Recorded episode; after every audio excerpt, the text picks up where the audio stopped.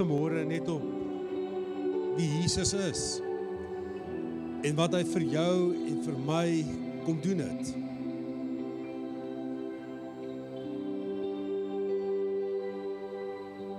staan ons so groot dankbaarheid voor U Here. Om te kan besef dat dit U is wat die eerste tree geneem het.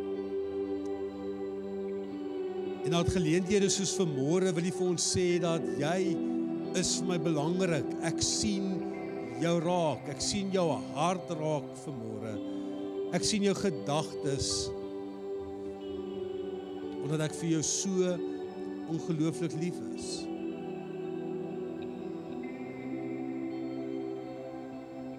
Here ons wil vanmôre vir u sê ons kan nie sonder u nie.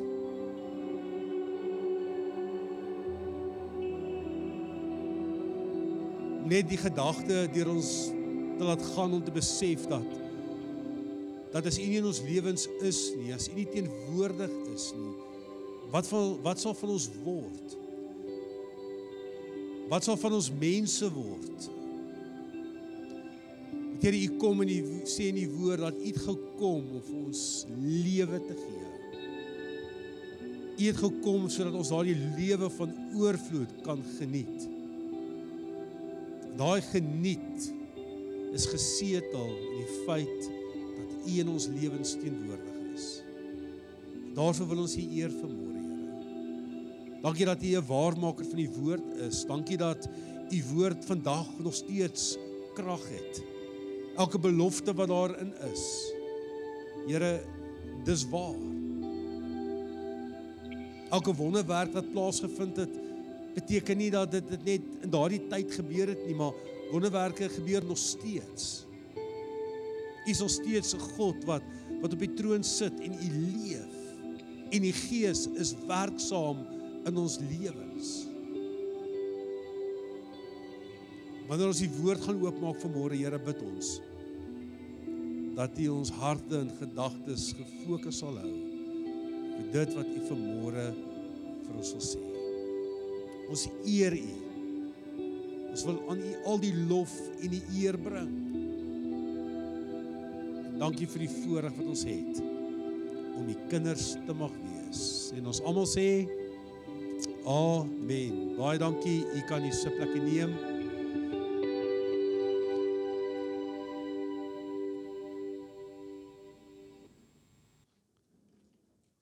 Sê baie dankie aan ons musikante. Dink nou net terwyl ek daar agter staan, miskien moet ons dalk weer die hoede inbring. Want ek wonder hoeveel vrouens is vanmôre by die huis omdat hulle nie hulle hare kom blaas het nie. As 'n hoed op is, dan is dit mos nie 'n probleem nie. Niemand gaan die hoed af aftel nie. As jy besoeker is, ons is jy baie welkom. Mag jy hierdie erediens saam met ons geniet. Mag jy iets van Jesus se liefde ervaar. Mag jy sy teenwoordigheid saam met ons beleef. Hoërskoolleerders is welkom uit te beweeg.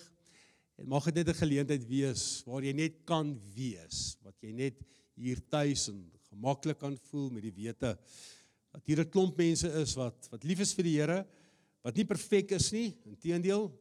Ek dink ons almal ehm um, drypie toets, maak verkeerde keuses, besluite ook, maar ons sê Here, ons het U nodig in ons wese, ons het U nodig om ons te help en te lei. So ry ek vanmôre kerk toe. En ehm um, die lig is dood. En ek dink by myself baie baie baie jare terug, 1994 sal ek nooit vergeet nie. Was ons by 'n revue gewees in die UV saal. En so gebeur dit dat want ek het 'n 'n meisie en ek het 'n pel en hy het aan sy kar gewerk, hom mooi netjies gemaak en dit was 'n blou, donkerblou 1200 Datsun Deluxe. Nou wie kan dit onthou? Steek op jou hand, dan gee jy jou ouderdom weg. OK. En so is dit dat ons gou-gou wil gaan koeldrank koop. So 'n bietjie later, so ek so 9uur, 18, 9uur die aand en ons spring in hierdie Datsun van hom in. Hy sit voor en ek en my meisie sit agter. OK? Hier ry ons. Kom ons so op in die dorp opgery. Is dit die rooi ligte wat ons so elke blok is. Nou sien ek groen, groen, rooi. En ek sê, "Hey, jy moet stop." En hy sê, "Ja, sorry." En hy stop. En die volgende oomblik hoor ons net stop hier 'n 850 GS Suzuki verkeersman langs ons. En hy kyk so. en hy maak die venster oop en hy sê vir hom, "Goeienaand meneer." Hy sê, "Het jy ges, het jy gesien jy's nou net oor 'n rooi lig?" En hy sê, "Ekskuus, ek het dit nie gesien nie." Hy sê, "Weet jy hoekom nie?" Hy sê, "Want jou ligte is nie aan nie." Tweede parkering links. Woep. Stop ons. OK. Dit so gebeur dit in ons lewens ook dat daar's verkeersligte. Partykeer is hy rooi. Sy rooi is instinktief stop. As hy groen is, dan ry hy. Maar as hy geel is, dan sê die geel vir jou pas op. Wees versigtig. Maar instinktief, wat doen ek en jy as jy 'n geel lig sien? Wat doen jy Karina sê? Jy jaag. Wat jy moet hom maak, jy moet verbygaan. En so in die mense lewens is daar ligte wat aankom. Wat sê groen ry. Wat seker goed wat gebeur waar daar rooi lig is wat wat die Here vir jou wil sê ook in sy woord stop. Stop, jy's nou besig om droog te maak. Stop, jy gaan jouself vernietig. Stop, jy gaan nie net jouself vernietig nie, maar jy gaan die mense om jou en vir wie vir wie jy lief is, gaan jy ook vernietig. Stop, dis gevaar. En dan kom daar geel lig aan wat vir jou sê, pas op. En baie keer dan sal jy oorgaan, dan sal dan sal ek baie keer oor 'n geel lig sit, dan sal een vir my sê, "Pappa, die lig was was ehm um, of dan gaan sy rooi." Dan sê hy, "Pappa, die lig is rooi." Dan sê ek, "Nee, maar hy was hy was geel gewees. Pappa was nog oukei okay gewees." So 'n mens regverdig dit dat jy maar kan oorgaan. Ten spyte van die reël wat sê pas op. As jy eerder kan stop, stop want dit is veiliger. En hoe jammer is mens baie keer met mense gepraat en en en, en die wiele het afgekom en mense is op 'n slegte plek. En jy gaan terug in mense se lewens, dan sien jy maar maar daar was 'n klomp geel en rooi ligte wat geflikker het. Ligte wat gewaarsku het van pas op. Hier kom gevaar, hier kom moeilikheid. Nou wat ek verlede week gesê het, sou ligte begin flits ook in hoogmoed sê jy ek kan stop wanneer ek wil. Ek kan ophou wanneer ek wil. Ek is in beheer. Ek het beheer oor oor dit wat gebeur en was gevaarlik. So wil ek graag 'n bietjie vanmôre met jou gesels oor wat jy met dalk gaan dink maar wat het dit nou met verkeersligte en en om te pasop uit te waai. Maar ek wil graag vanmôre met jou praat oor gierigheid. Gierigheid wat wat so in die orde van die dag is. Mense wat gierig is, mense beleef dit. Mense wat alles in hulle vermoëns na na geld najag. En daarom wil ek vandag sommer van die begin af sê, daar's geen probleem met geld nie. Geld is nie die issue nie. Rykdom is nie die issue nie. Die probleem is is hoe jy dink oor geld. Wat aan jou hart aan die gang is. Waarop jou fokus gestel is. Dit is die ligte, die geel en die rooi ligte wat in ons lewens moet flikker.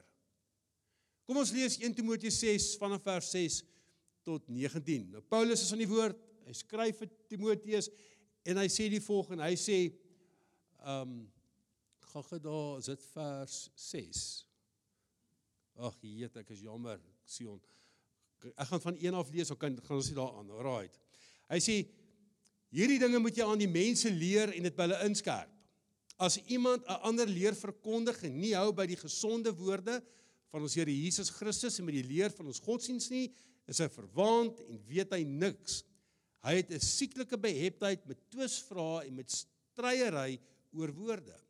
Daaruit ontstaan afguns, twis, beledigings, gemeene verdagmakery, voortdurende rusie van mense wat verstandelik verward en van die waarheid beroof is. Hulle dink dat die godsdiens iets is om geldelik wins mee te maak. Die godsdiens is 'n groot wins as iemand tevrede is met wat hy het. Sien Want ons het niks in die wêreld ingebring nie en ons kan ook niks daaruit wegneem nie. As ons dan kos en klere het, moet ons daarmee tevrede wees. Maar die wat ryk wil word, val in versoeking. Hulle loop hulle vas in 'n struik van baie sinlose en skadelike begeertes waardeur mense in verderf en ondergang gestort word. Geldgierigheid is 'n wortel van allerlei kwaad.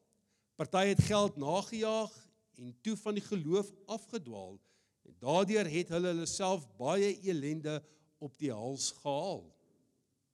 Maar jy man van God, moet van hierdie dinge al wegvlug. Streef na opregtheid, toewyding aan God, geloof, liefde, volharding, minsaamheid. In die goeie wedloop van die geloof moet jy al jou kragte inspann en die ewige lewe as prys behaal. Daartoe het God jou geroep en het jy die goeie belydenis voor baie getuies afgelê. Voor God wat aan alle dinge die lewe skenk en voor Christus Jesus wat teenoor Pontius Pilatus getuienis afgelê het van die goeie belydenis, beveel ek jou. Voer jou opdrag stiptelik en onberispelik uit tot op die dag dat ons Here Jesus Christus kom, net tot sover. Dit is my lekker om met mense te sit en te kuier en te hoor hoe het hulle hulle besighede begin. Dis my lekker om met suksesvolle mense te gesels en te vra vertel vir my jou storie. Hoe het jy begin? Want almal se storie is verskillend. Maar een ding is gemeen, gemeen is dat hulle het almal hard gewerk. Hulle het daarin geglo. Daar was uitdagings gewees wat hulle oorkom het. Maar dit is lekker om te kan hoor hoe mense oor hulle lewens gesels.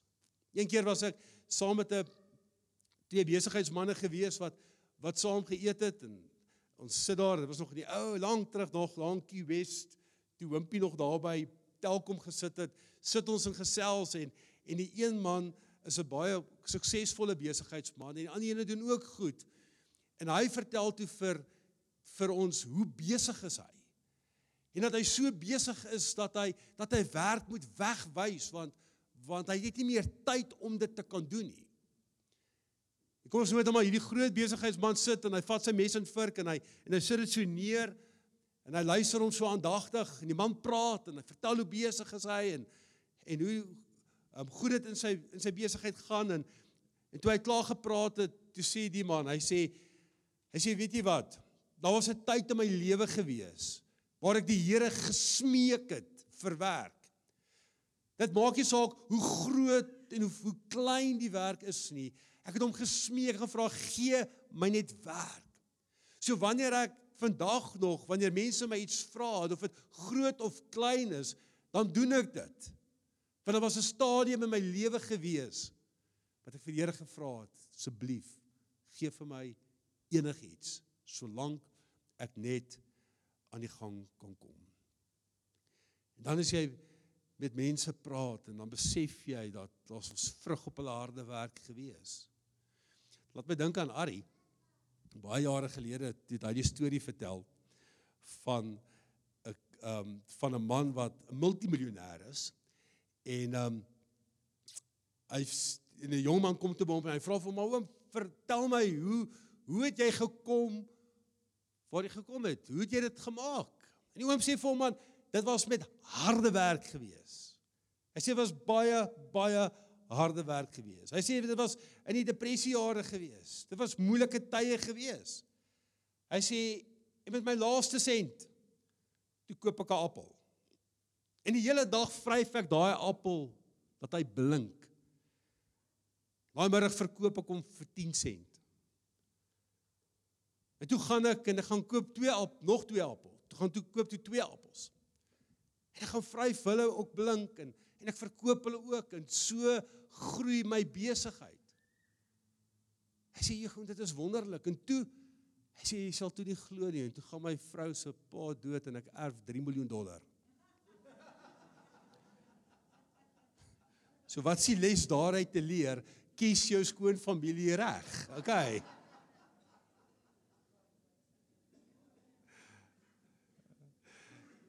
Jy sien as ons praat oor geld, dan is geld 'n komiteit wat jy nodig het. Ek sien dit ook in ons boufonds dat jy kan net doen met dit wat in die bank is. Die realiteit is as daar geld is, dan gebeur dit. As daar nie geld in die bank is nie, dan staan dit. Ek wil nie sê ons gaan dalk vir die volgende tydjie dalk so bietjie staan nie, maar die realiteit is jy kan net bou met dit wat jy wat jy het. Kyk na geld, dan sal ons sien maar geld is relatief vir vir elkeen. Men jy hanteer geld anders as wat die persoon jou is. Hierdie preek gaan nie oor geld nie. Gaan nie vir jou vra om geld te gee nie, maar jou siening van geld is anders. Jou manier hoe jy met jou geld werk is anders as die persoon langs jou. Maar wanneer dit kom by gierigheid, wanneer dit kom van dit raak by fokus, dan wil ek vir jou sê, dan raak dit dodelik. Ons Romeinse spreek wat sê geld en besittings is so seewater. Hoe meer jy drink, hoe dorser word jy. Kom weer vir jou sê, geld en besittings is so seewater. Hoe meer jy drink, hoe dorser word jy.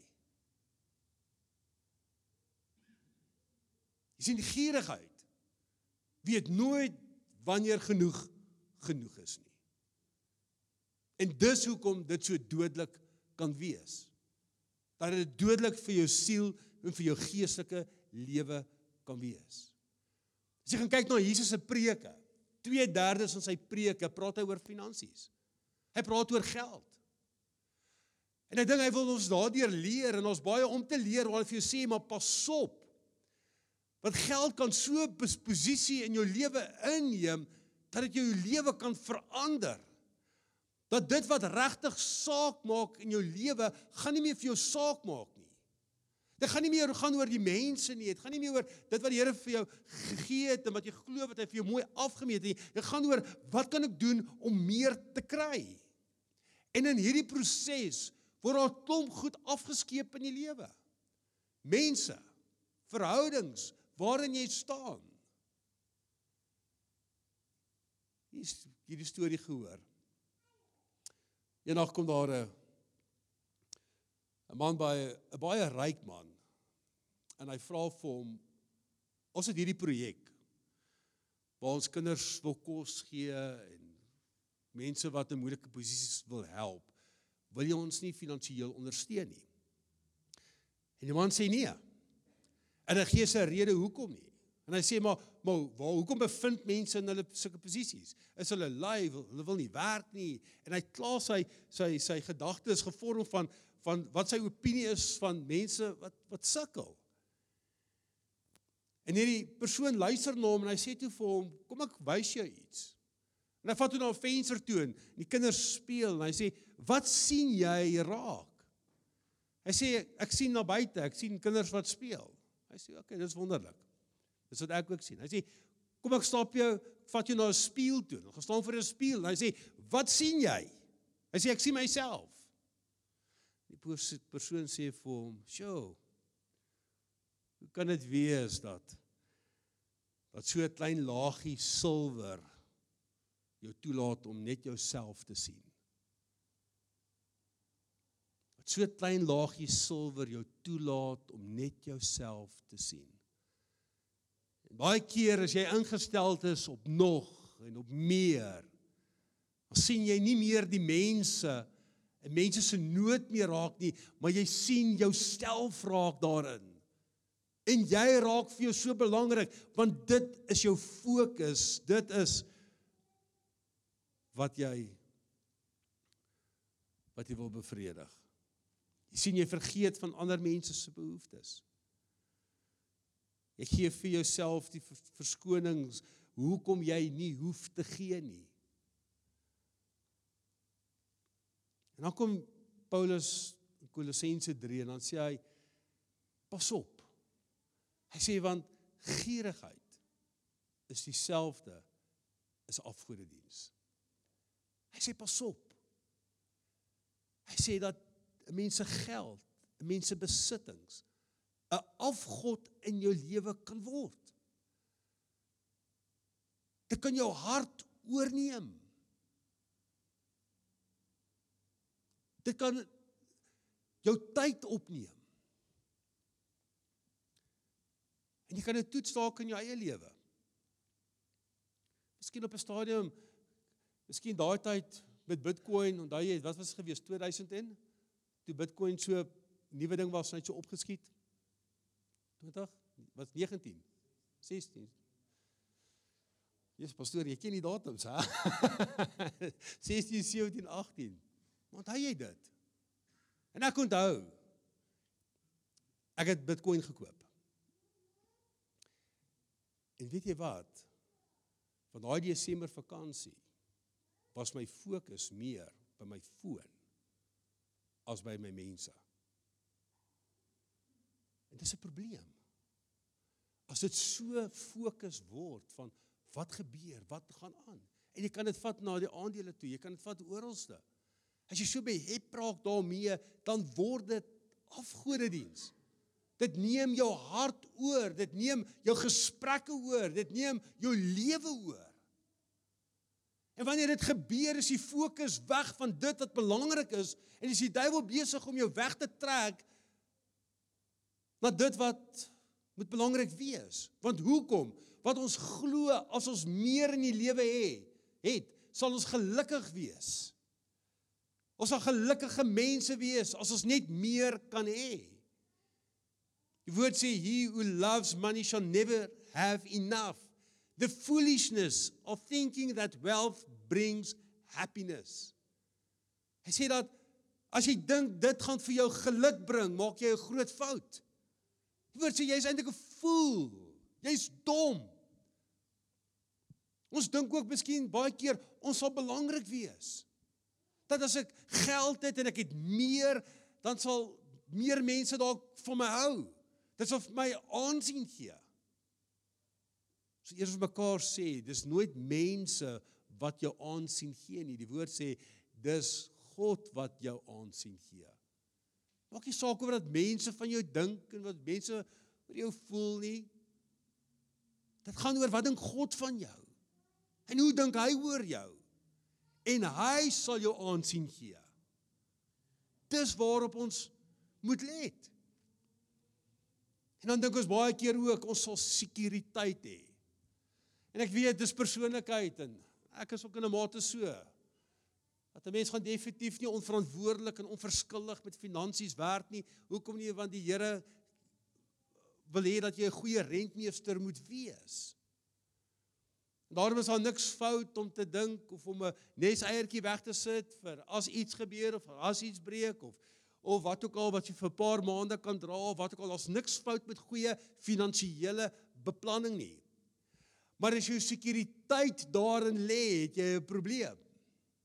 Hoor gou wat sê die die Bybel. Ek het nog ons daarvoor gehou. Spreuke 18 sê. Hy sê ryk mense dink dat geld alles is, dat dit hulle teen gevare sal beskerm. Wie so dink, leef in 'n gekke paradys. Jy sien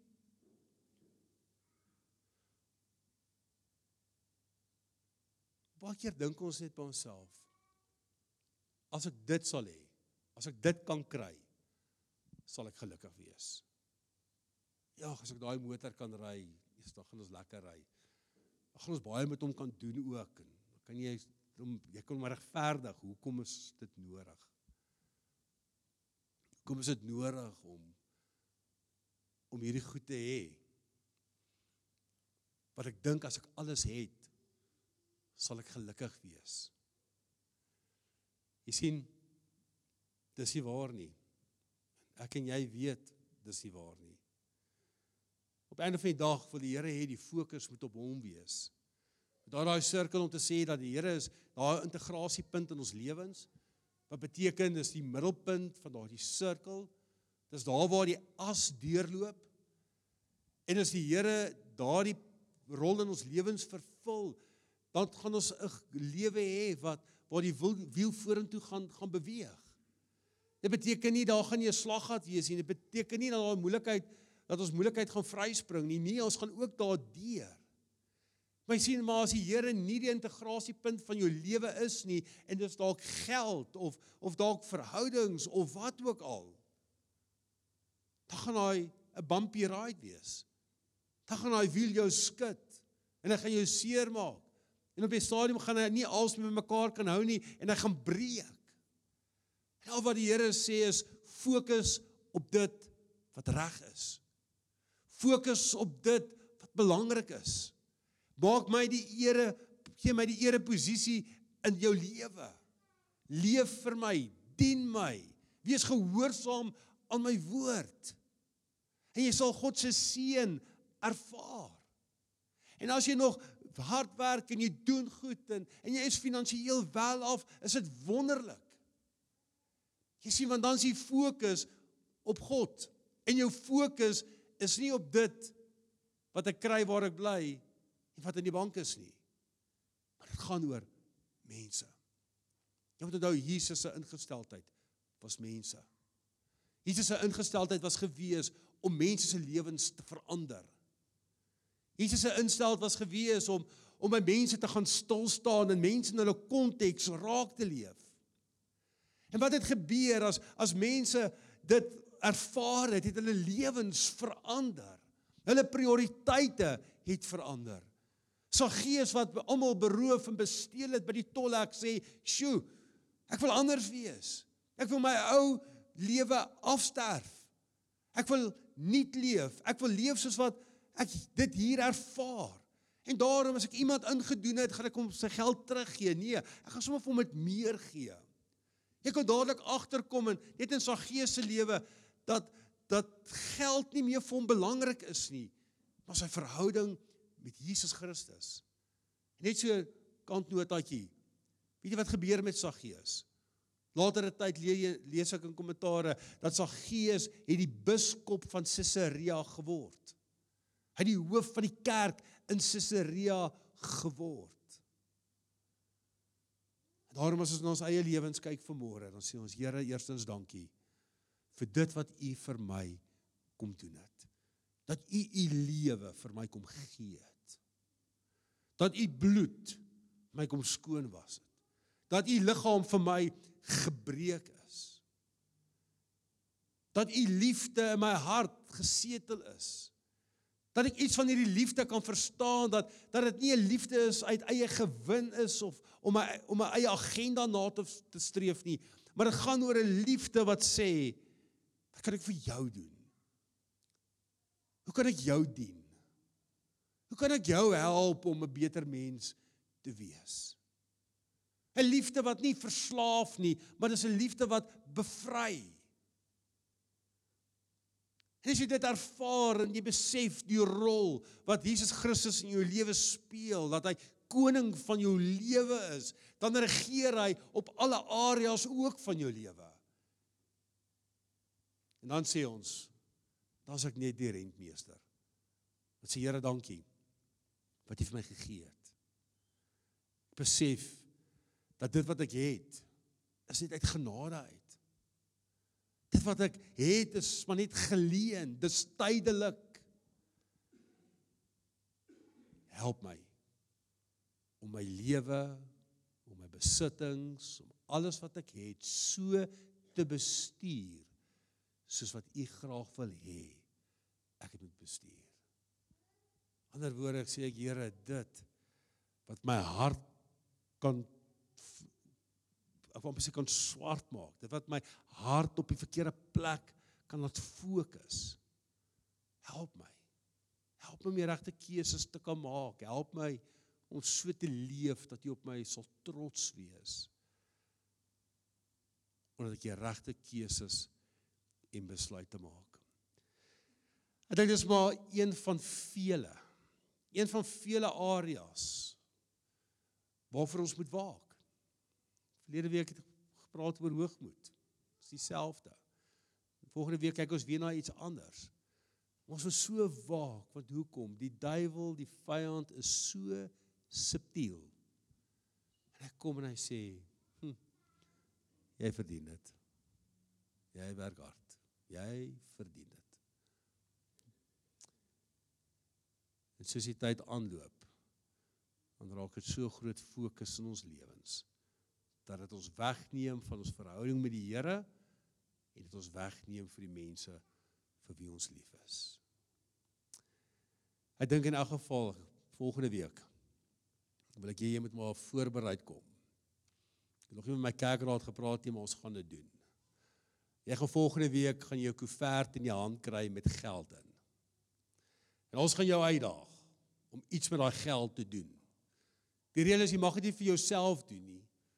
Kan nie hier buite stop en gou vir jou 'n ja, jy gaan dalk net nie 'n brood kan koop nie, ons moet maar kyk, maar maar jy gaan dit nie vir jouself kan gebruik nie. Maar jy gaan iets met dit doen. En ek gaan bid dat dat dit jou gaan brand, dat jy iets met dit gaan doen. Nie net vir iemand gee, die maklikste opsie is gee dit sommer vir iemand.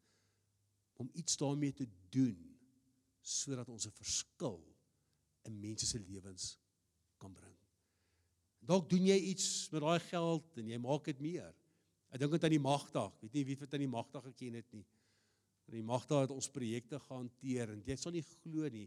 Sy het met 10 rand dan Ina kan jy onthou hoeveel skoenpare was dit gewees? Dit was 'n belaglike klomp skoene. Het sy vir kinders gaan gee by skole wat nie skoene het nie met daai 10 rand. Kom ons vra die Here help ons. Rig ons gedagtes wat daar bo is. Rig ons gedagtes op dit wat reg is. En kom ons maak 'n verskil. Dit wat die Here vir jou gee. Dit wat hy vir jou leen. Dit waarmee hy jou seën. Kom ons sluit ons oë dan bid ons saam. Hemel Vader, ons kom vanmôre na U toe en ons gee ons hele lewens oor in U hand. Elke faset van ons lewe wat finansies is of verhoudings is, ons werk. Here, dit wat ons dink wat ons in is, gee ons oor. Want Here, toe ons U aanvaar het as ons persoonlike verlosser en saligmaker, het ons ons lewens oorgegee. En daarom wil ons bid, Here, dat U ons sal help om altyd ons oë op U te rig. Dat ons altyd ons oë op U sal rig en is of weet Here, as ons van U af weg beweeg, dan gaan daar 'n geel lig in ons lewens aankom. 'n Geel lig wat ons gaan waarsku. Waarsku dat ons nie die verkeerde besluite sal maak nie. Dit word 'n wilsbevoegdheid gegee. Die vermoë om keuses te kan maak. My gebed is Here help ons dat ons altyd die regte keuse sal maak. Soos die kinders wat daai armbandjie op het. Wat sou Jesus gedoen het? Here, wat en hoe sou u besluite gemaak het? Help ons om die regte keuses en die regte besluite te maak. Dat ons vanmôre weer opnuut sal ervaar. U is 'n goeie God. U sorg vir ons. U kyk na ons. U sorg vir ons so mooi en ons wil U eer daarvoor. En mag dit alles tot U eer wees. Is ons gebed in Jesus naam. Amen.